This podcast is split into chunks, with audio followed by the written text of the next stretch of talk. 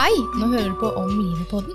Og Om livet det består av en sexolog, en rosenterapeut, en coach, en psykolog og en forfatter som alle vil berøre deg i hjerte og sinn med kunnskap og erfaring på en ærlig, raus og modig måte. Hjertelig velkommen, og bli med videre.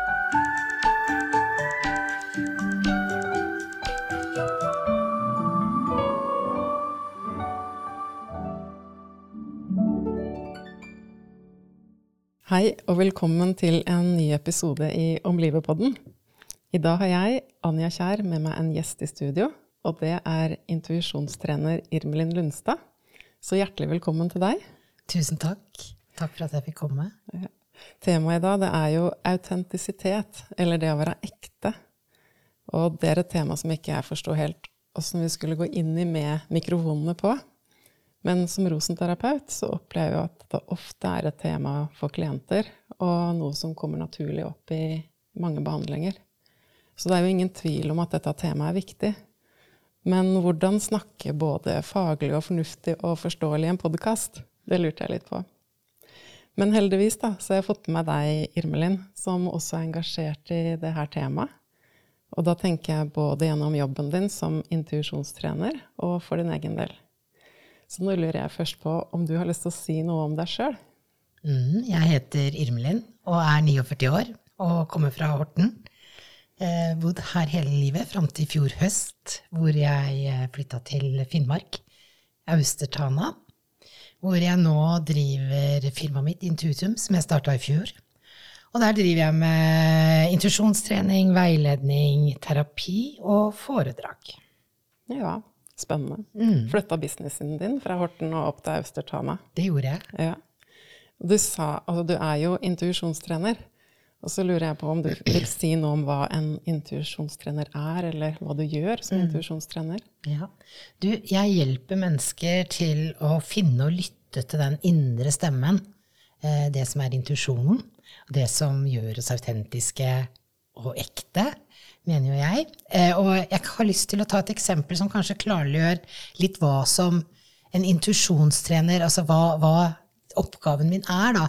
Og i det eksempelet kan jeg ta meg sjøl, hvor jeg en dag eh, skulle jeg på et kurs, og det kurset hadde jeg gått på i lang tid.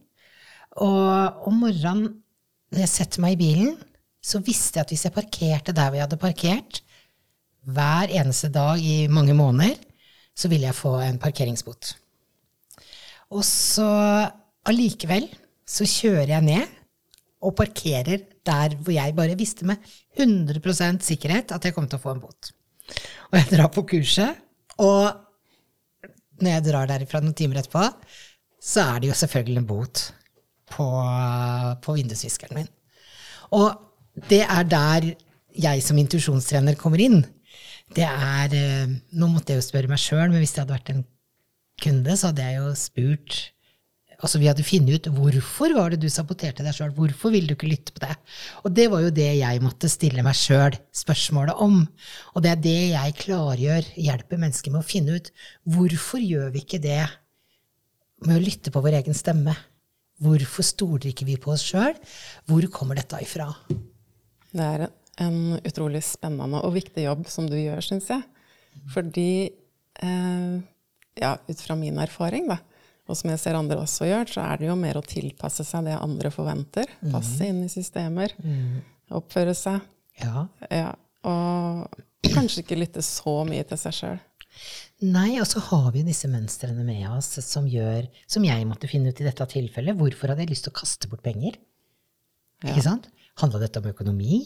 Handla det om at jeg var litt eh, sta? Hva er det dette handla om? Ikke sant? Ja. Tørre å gå inn og se, da. Mm. Og så må vi kanskje sette av litt tid til det også, da. Det må vi. For det er vel i travelheten at vi kan komme litt bort fra det som, som er sant på innsida. Mm. Mm. Og det er det jeg ofte opplever som intuisjonstrener, det er jo at mennesker sier det. At ja, jeg, jeg, jeg veit, jeg visste at jeg skulle lytte på det, men jeg gjorde det ikke.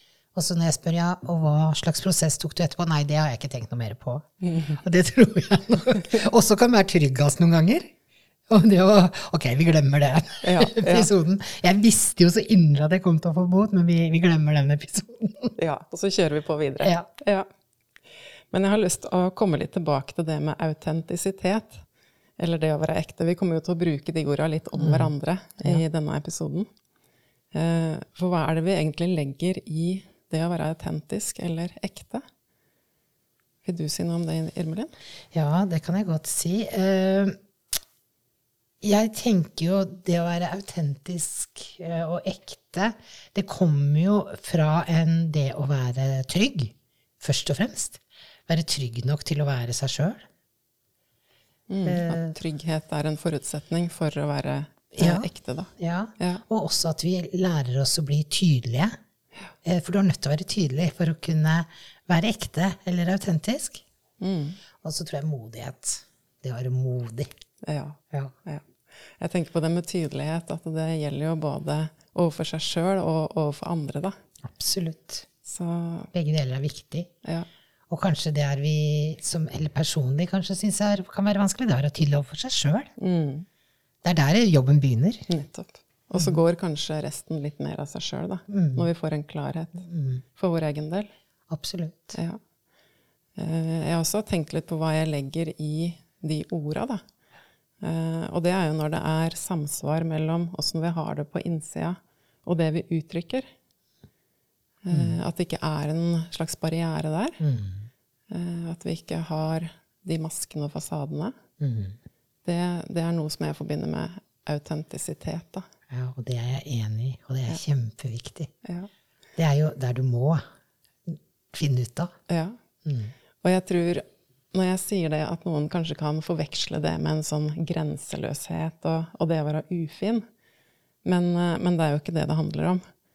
Eh, Jeg får inntrykk av at når noen eh, snakker rett fra levra, mm. så kan jeg oppleve det som en sånn slags grenseløshet. At det var ikke nødvendig å si den tingen, eller i hvert fall ikke på den måten. Men når vi er autentiske, så har vi en større kontakt med vårt indre, da. Og at da kommer det rett fra hjertet isteden.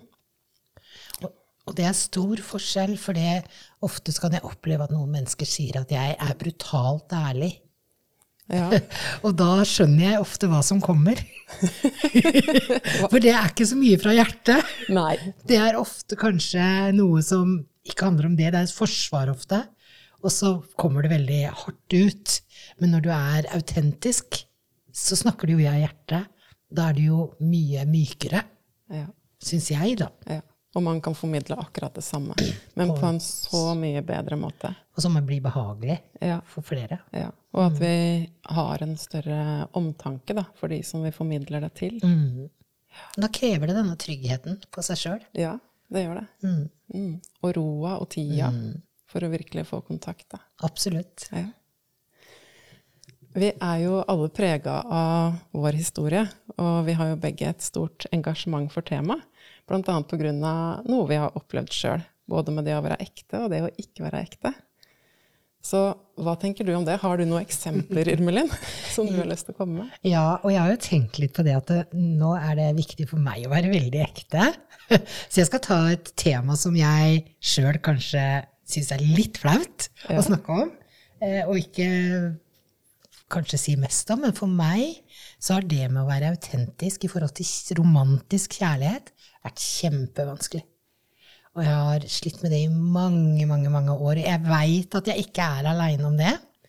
Eh, Men jeg syns ikke det har vært lett å være autentisk eh, ved å gå inn på en date, eksempel, eller møte et nytt menneske på den måten.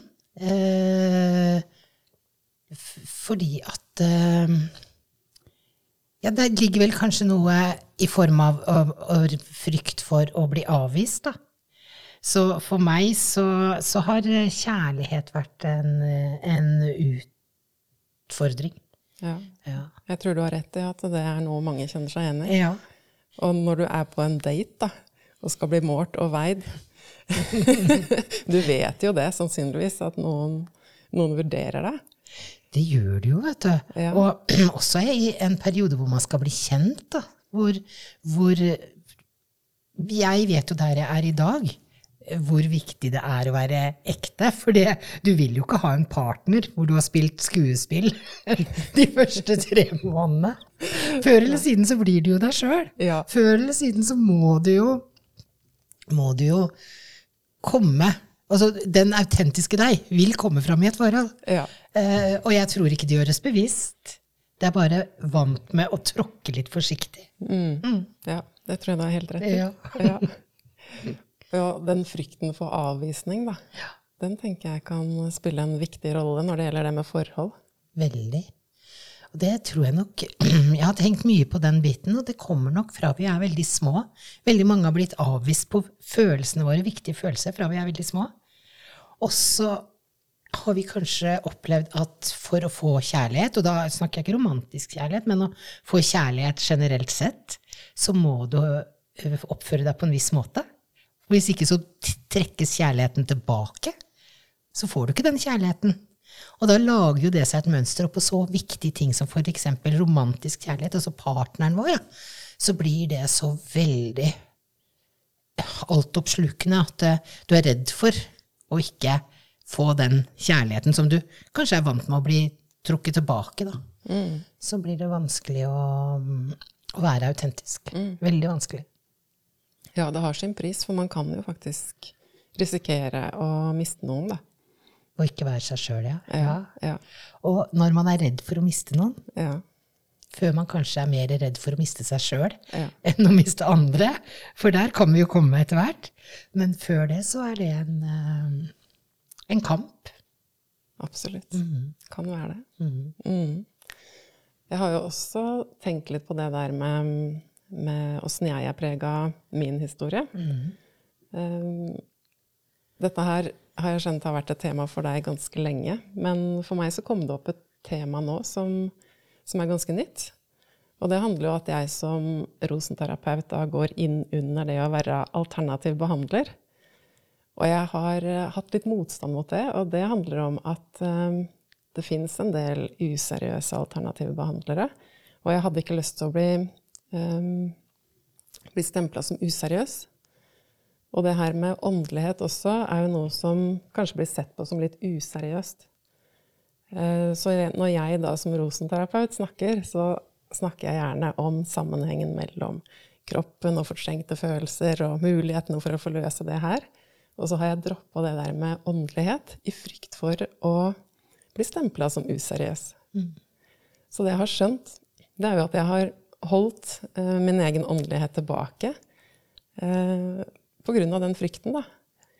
Og jeg kjente at jeg ble egentlig litt skuffa over meg sjøl, for det, der, det er jo en naturlig del av det å være menneske.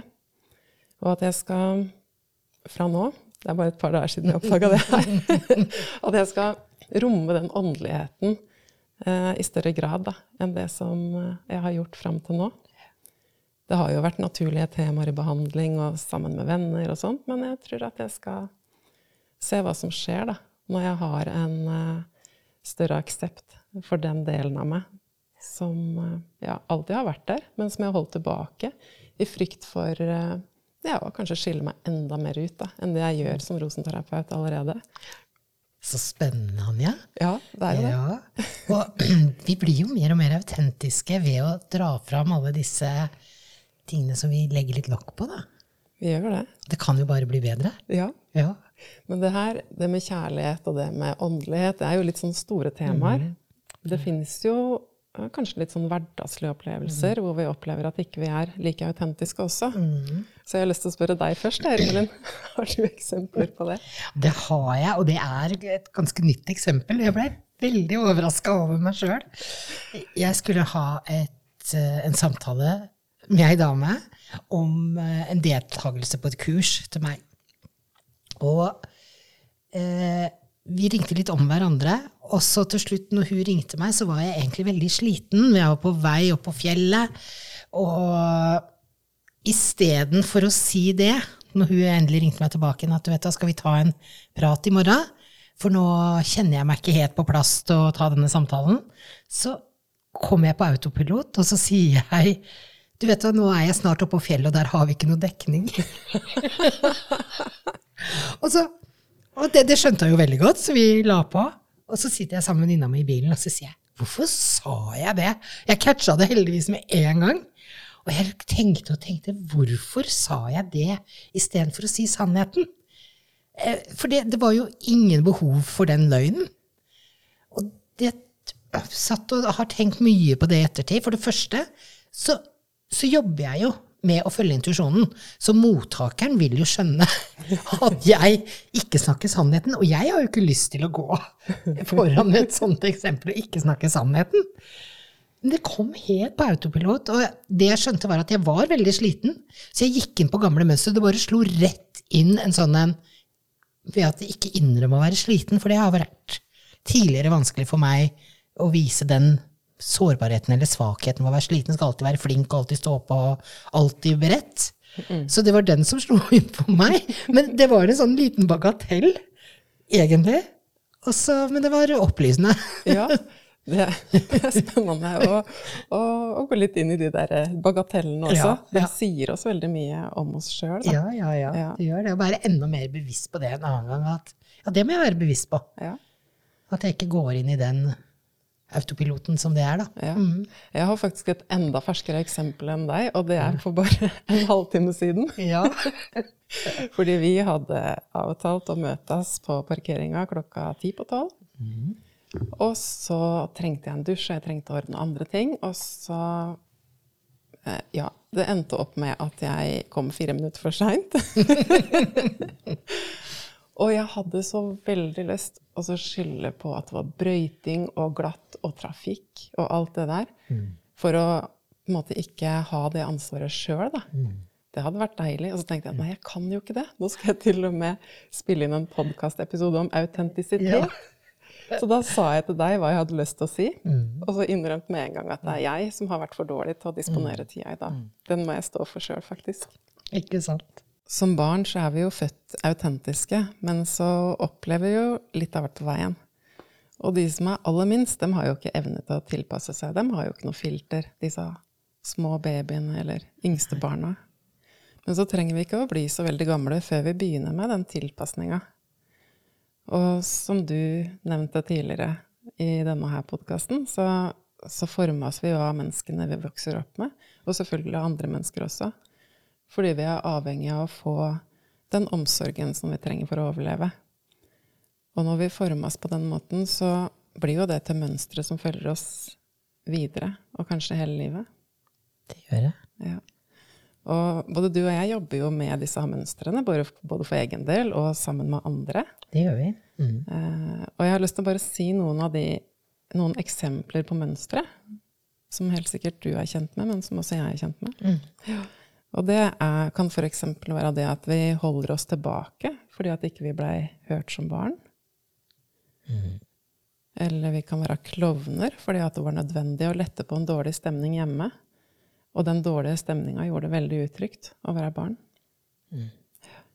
Og vi kan gå over egen tålegrense fordi at vi fikk vår verdi ut fra det å være flinke, og ikke ut fra den vi er. Den er nok mange som kjenner igjen. Den er veldig gjenkjennelig. Mm. Mm. Og så kan vi mangle tillit fordi at vi opplevde svik, eller fordi at det var noen For at ikke det var noe støtte da vi vokste opp. Mm. Det kan være vanskelig å be om hjelp, f.eks. Mm. Mm. Og vi kan også stenge av følelser fordi at uh, ingen var i stand til å romme dem da de kom. Mm. Så jeg vil tro at det er flere som kjenner seg igjen i det her. Det vil jeg tro. Jeg kan i hvert fall kjenne meg igjen i, i flere. ja, det kan jeg òg. Mm. Og disse mønstrene her de kan jo være til hinder for eh, egen livsutfoldelse. Og når vi blir bevisste, så kan vi jo bryte disse mønstrene. I hvert fall når vi begynner å bli voksne, for da er vi ikke avhengig av de omsorgspersonene våre lenger. Og det er når vi bryter de mønstrene her, som vi kan bli mer autentiske og ekte. da. Mm det er jo det indre arbeidet, i hvert fall som jeg ser det, da, som vi, vi gjør. Og enten så gjør vi det bevisst, eller så kan vi også gjøre det ubevisst. Ja.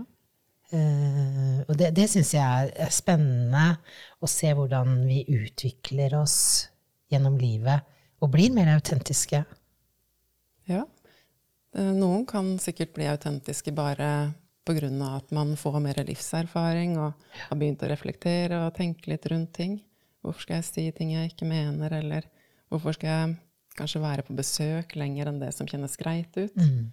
for å tilpasse meg andres forventninger, kanskje. Mm. Altså det er mange, mange ting som kan skje helt naturlig, og så er det også en mulighet for å gå inn i terapeutiske prosesser, da. Mm. Det er det også. Ja. Men jeg har jo lyst til å si også at uh, vi er jo ikke bare mønstre. For vi er jo også født med en personlighet som, uh, som kommer tydeligere fram da, når vi bryter disse mønstrene. Og Marion Rosen, som uh, utvikla Rosen-metoden, hun har jo sagt noe om at også Rosen-metoden er den forvandlingen fra den vi tror vi er, til den vi virkelig er. Mm. Og det handler jo da om å bryte i disse mønstrene og komme nærmere oss sjøl, da. Og ja, jeg kan jo komme med et eksempel på, på det her, som er veldig tydelig akkurat nå, da. Fordi et av mine mønstre har jo vært å holde meg sjøl tilbake. Og i tillegg så er jeg jo introvert. Um, ved å jobbe med de Altså det å holde meg tilbake, det har jo begrensa meg ganske mye. Uh, men etter hvert så fant jeg ut at det, det var absolutt verdt å gjøre noe med. Og når jeg kunne komme litt inn i hva det der handla om, og få en forståelse av det, og jobbe litt med de følelsene som var knytta til det temaet, så fikk jo jeg muligheten til å være mer synlig når jeg vil, da. Men jeg er jo fortsatt introvert, så jeg er ikke den som tar mest plass. Men bare det at jeg kan eh, oppleve friheten til å lage en podkast og være så synlig um, altså Det er jo en gave, egentlig, for meg. Ja. For jeg kjenner at jeg har en sånn indre driv mot det å formidle faget mitt. Ja. Eh, og det, jeg er så takknemlig for at jeg kan gjøre det. da. Mhm. At jeg har brutt det mønsteret. Men at jeg også fortsatt kan være introvert. At jeg kan være meg. Og det er jo eh, viktig, som jeg ser på det, intuisjonstrening også.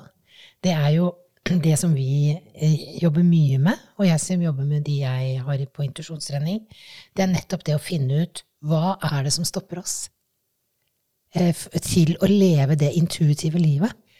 Eh, fordi at hvis, hvis man holder seg sjøl tilbake, da, som du gjorde, Anja, eh, så er det noe som du er helt avhengig av og syns mer.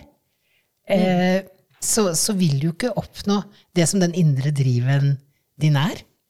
Hvis du fortsetter å bare holde deg sjøl tilbake. Da må man løse opp i den. Ja. Og jeg også har et eksempel på det med, med bilkjøring, faktisk. Eh, hvor jeg skjønte når jeg flytta til Finnmark, at jeg, jeg er litt redd for å, å kjøre på snø og is og i dårlig vær. Og så skjønte jeg veldig fort at her kommer ikke jeg til å kunne få utretta noe av det intuisjonen min sier. Kanskje intuisjonen min sier at eh, i dag skal du kjøre opp på Kongsfjordfjell, f.eks. Der er det noe som skjer, og jeg er veldig opptatt av det. Og så stopper jeg meg fordi at nei, det er dårlig vær. Ja. Eller det er is på veien, som det er kanskje sju måneder i, i året. Så, så vi må løse, ved å løse opp den, så blir vi mer autentiske, men også får en bedre intuisjon. Eller vi lytter mer til intuisjonen. Ja. For vi stoppes ikke av frykt eller mønstre. Mm. Mm.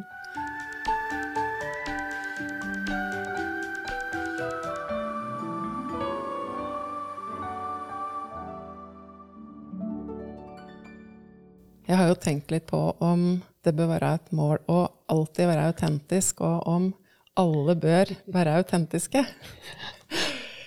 Det er jo et godt spørsmål. Eh, og jeg tror jo ikke det. Hva tenker du? Nei, jeg tror jo ikke det. Nei. Jeg eh, tror at vi kan eh, trenge også innimellom litt sånn masker og fasader for å beskytte oss sjøl. Tenk på de mønstrene våre. Eh, det er jo også et forsvar. Så vi skal komme oss gjennom hverdagen også. Ja, og så er det ikke alltid det passer å være i alle settinger. Nei. Og å være helt Man kan være seg sjøl uten å kanskje ta den helt ut, hvis det er det man ønsker å være. Jeg vet ikke om jeg sier det riktig når jeg sier det sånn, men det å Vi behøver ikke å si alt Nei. som vi mener til enhver tid. Og vi kan fortsatt tilpasse oss situasjonen, da. De menneskene vi er med. Absolutt. Selv om vi gjerne vil være autentiske, så er det ikke alltid det passer, da. Absolutt. Ja. Jeg tenker på um, kanskje det er en av de verste situasjonene da, hvor, jeg, hvor jeg vet at ikke jeg kan være autentisk. Det er jo hvis jeg setter meg på legekontoret, på venterommet, og så møter jeg en som jeg kjenner som kanskje jeg ikke har sett på mange år, og som er veldig interessert i å prate. Og jeg var ikke forberedt på det her, og kanskje sitter det mange andre tilhørere som ikke jeg kjenner. Kanskje jeg gruer meg for en gynekologisk undersøkelse. Eh, og det er ikke akkurat da jeg har lyst til å snakke. Og det føler jeg kan bli en sånn klein situasjon. Eh, hvor jeg er veldig langt fra autentisk. Absolutt, og det kan jeg jo skjønne. Og der, der tenker jeg jo det er greit også. Ja, Ja. det må være sånn. Ja. Men jeg kan også kjenne, hvis vi går litt tilbake til temaet hvor du snakka i stad, med åndelighet Jeg har jo jobba med åndelighet i veldig mange år og vært veldig åpen og tydelig ut om min åndelighet. Men det er jo ikke alle mennesker jeg sier noe til, eller i situasjoner, om åndelighet. Fordi at det passer seg ikke, og vil kanskje ikke ha Vet at det blir en diskusjon jeg ikke ønsker å ha. Det er også er ikke, Det er jo ikke å ikke være autentisk, tenker jeg. Det er bare at eh, det er grenser, kanskje. Ja. Og så tenker jeg at da bruker du intuisjonen din og skjønner når er dette tema velkomment, og når er det ikke det.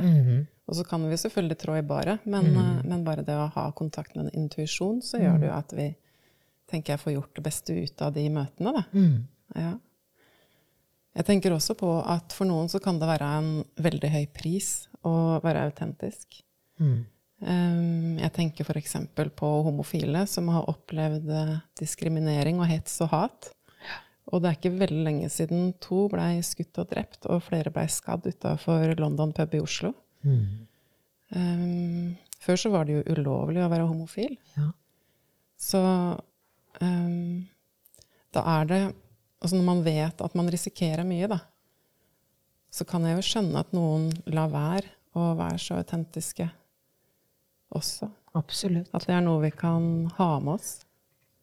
Og det er nok eh, eh, derfor mange til slutt også tar kampen som mm, den for den kampen eh, for å få lov til å være seg sjøl, for homofile. Det er jo derfor de har tatt den kampen for at andre skal få lov til å slippe å stå i kampen. For det gjør vi ofte. Vi kommer jo såpass langt at vet du hva, nå må vi bare ta det. Og så kommer det noen veldig modige sjeler eh, som, som Ok, jeg får gå foran. Og de lider ofte mye Mm. ved å være autentiske og ekte. Ja. Og så er det mange mennesker som får utbytte av det. Ja. Jeg tror ikke alle kan være like, like modige, og det tror jeg er viktig. ja. Man må jo bare kjenne etter hva som er riktig for seg. Ja. Og jeg er jo helt sikker på at man kan ha et godt liv uten å være like opptatt av det å være autentisk da, som vi er. Det er jo veldig forskjell på hva folk eh, mener er et godt liv. Absolutt. Eh, og at man må ta det valget sjøl, men kanskje man kan bli inspirert til å utforske litt, eller ha en bevissthet rundt det. da. Det med autentis autentisitet. Ja. Ja, Irmelin, nå har jeg lyst å gå litt mer inn på åssen vi kan bli mer autentiske. Vi har jo vært litt inne på det, men kanskje vi kan være enda litt mer konkrete nå? Jeg er veldig opptatt av at vi ikke tar ting så alvorlig. Eh, For vi har en tendens til, eller jeg opplever ofte med mennesker jeg prater med eller jobber med, at det kan være litt vanskelig å, å se inn, da. Eh, Så jeg, jeg slår slag for det å tørre å stille seg sjøl spørsmålet, og være nysgjerrig, istedenfor å, å tenke 'uff, gjorde jeg det', nei, det var dumt, ikke sant, hvorfor gjorde jeg det, være litt slem med seg sjøl, men heller bruke litt letthet og nysgjerrighet. Eksempel den gangen som jeg fortalte om når jeg fikk parkeringsbot, så kunne jeg liksom slått meg sjøl i huet og sagt at 'nei, nå var du teit, Irmin'. Isteden så bare Jøss, hva var det jeg gjorde der? Le litt av det. Hvorfor gjorde jeg det? Og så gå litt dypere, og så bli litt nysgjerrig. Hvorfor har jeg med meg det? Hvorfor, altså, hvorfor hadde jeg lyst til å kaste bort 750 kroner? Ikke sant? Det å stille seg sjøl spørsmålene med en letthet og nysgjerrighet og ha lyst til å finne ut av seg sjøl. Kanskje vi klarer å le litt av seg sjøl. Galgenhumor hjelper jo veldig. veldig men liksom Ja, det var vel ikke det smarteste du gjorde denne uka. Ikke sant? Så, så kommer svarene, hvis vi tør å gjøre det og bare være åpen for at ja, ja, ja, sånn var det. Ja. Mm. Det trenger ikke være verre enn det. Nei. Nei. Nei, og da finner vi veldig mye ut av Å ja, det kom fra den gangen, ja. Ja, ja, ja. Nei, men da får jeg prøve å få ta med det til neste gang. Ja. Ikke sant? Ja. Jeg tenker på det med kontakt med egne følelser, jeg. Og det å være ærlig både med seg sjøl og andre. Jeg fikk jo hilst litt på det allerede i stad, før vi møttes, når jeg Ja. var på vei, i, på vei til parkeringa, litt for seint. Og så hva er det det egentlig handler om? Hvorfor vil egentlig ikke jeg innrømme at det er jeg som feilberegner? Ja. Jeg har ikke funnet det ut ennå, det er litt for nytt for meg. Men, ja, men eh, det, det jeg får gi meg sjøl en oppgave videre. ja, Du har jo allerede stilt spørsmålet, og da ofte begynner du å jobbe. Ja. Ikke sant? Du har Ja. satt fokus på det. Ja. Mm. Jeg tenker jo også terapeutiske prosesser kan være bra hvis du virkelig vil gå inn for å jobbe for å bli mer autentisk. Mm. Det har jo vi begge to erfaring med. Ja, det har vi. Og da, da er det jo den det, det er jo en konsekvens på en måte av at du jobber med deg sjøl, blir kjent med deg sjøl. Så blir det jo mer autentisk av det. Mm. Og da er det jo mange muligheter. Mm. Og at man kan finne noe som passer for seg. Da. Ja, absolutt. Jeg har også tenkt litt på det at det fins en slags snarvei inn mot uh, autentisitet som, som ikke jeg vil anbefale å jobbe for, selvfølgelig. For det, det handler om uh, livskriser. Mm. Eh, jeg har jo sjøl kjent på noen ting, og jeg følger også opp andre som kjenner på mye. Står i mye. Eh, og når man opplever at eh, livet raser, f.eks., kan jo hende, hende at det handler om alvorlig sykdom, eller kanskje man får et funksjonshemma barn. Også det er mange ting som gjør at livet kan rase. Og, og da kan også Forsvaret rase litt. Da hjelper ikke de maskene og fasadene lenger. Da, da står vi mer sårbare. Og sårbarhet og autentisitet, det er noe som henger nøye sammen. Det er det. Mm. Så er det mange muligheter for å jobbe seg opp derfra, da. Mm. Men det er jo mange som sier det, som har vært i livskriser, at uh, det ikke skulle vært det foruten. For at det ga dem så mye akkurat da uh, det forsvaret forsvant. da.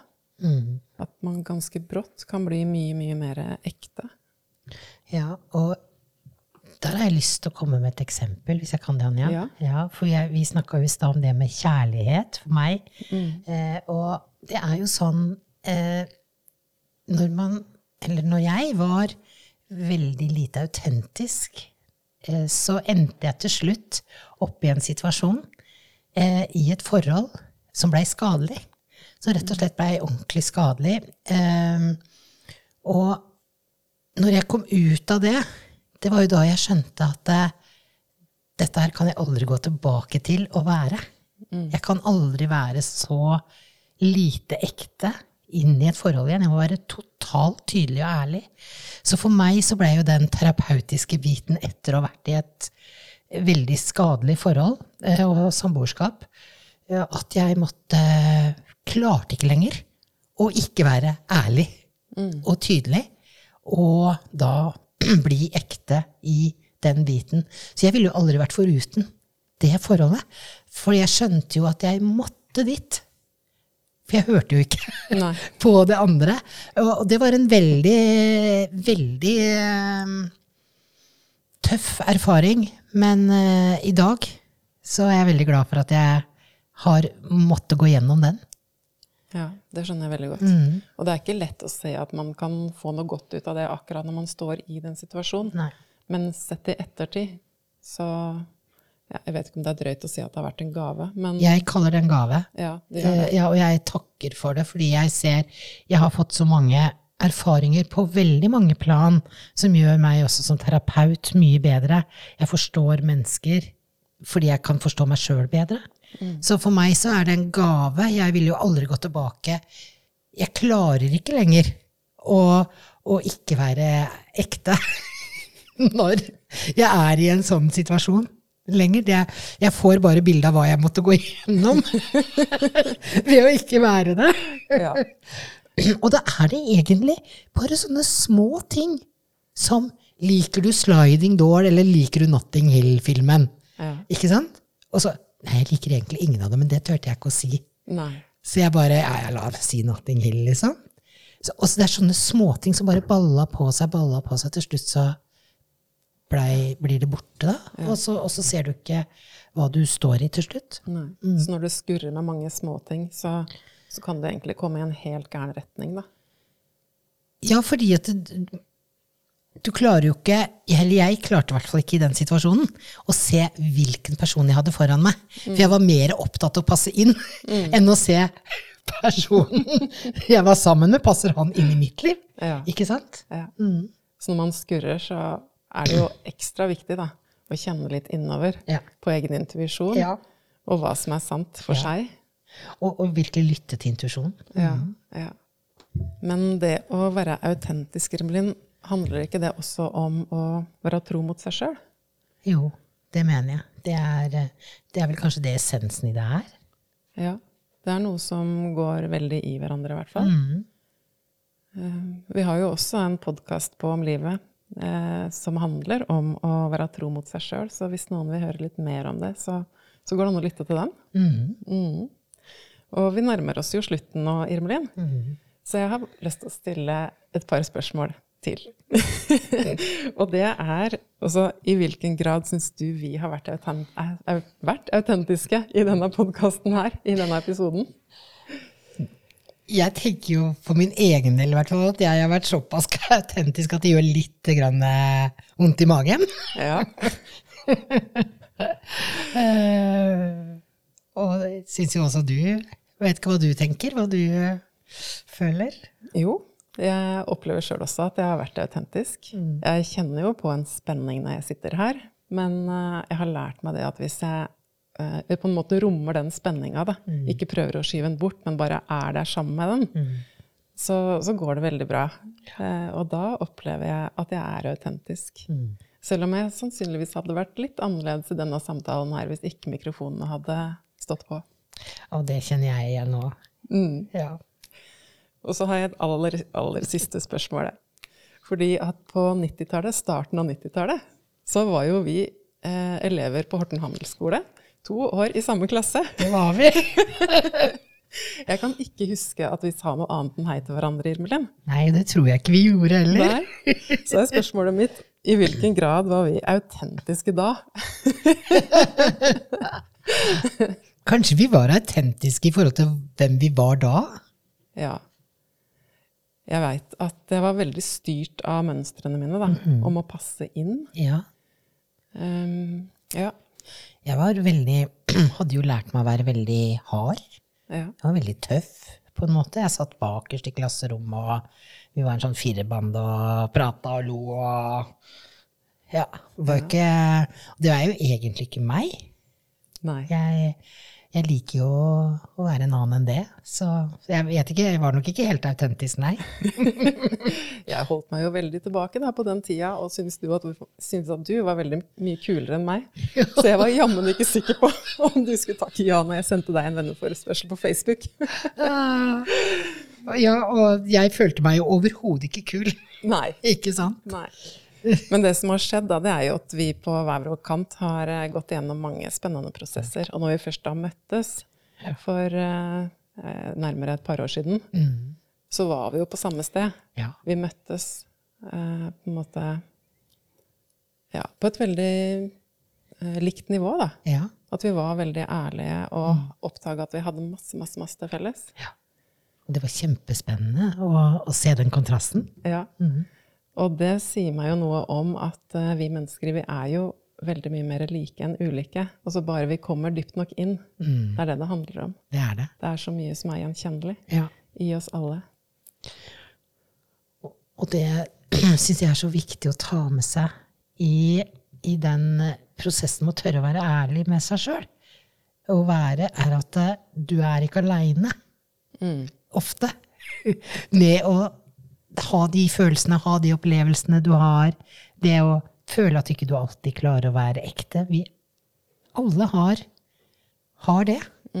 Eh, og vi alle har ting med oss. Eh, det er ikke bare deg eller meg.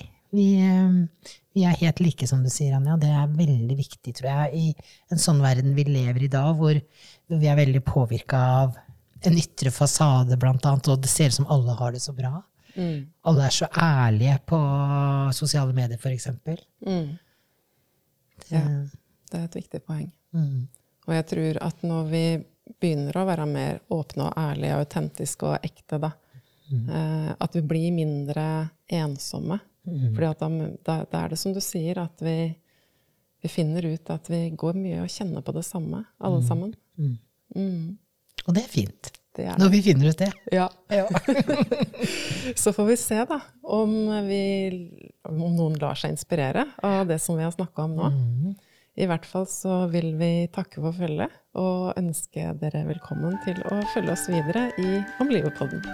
Og tusen takk for at du var med som gjest i dag, Irmelin. Tusen takk til deg at jeg fikk komme.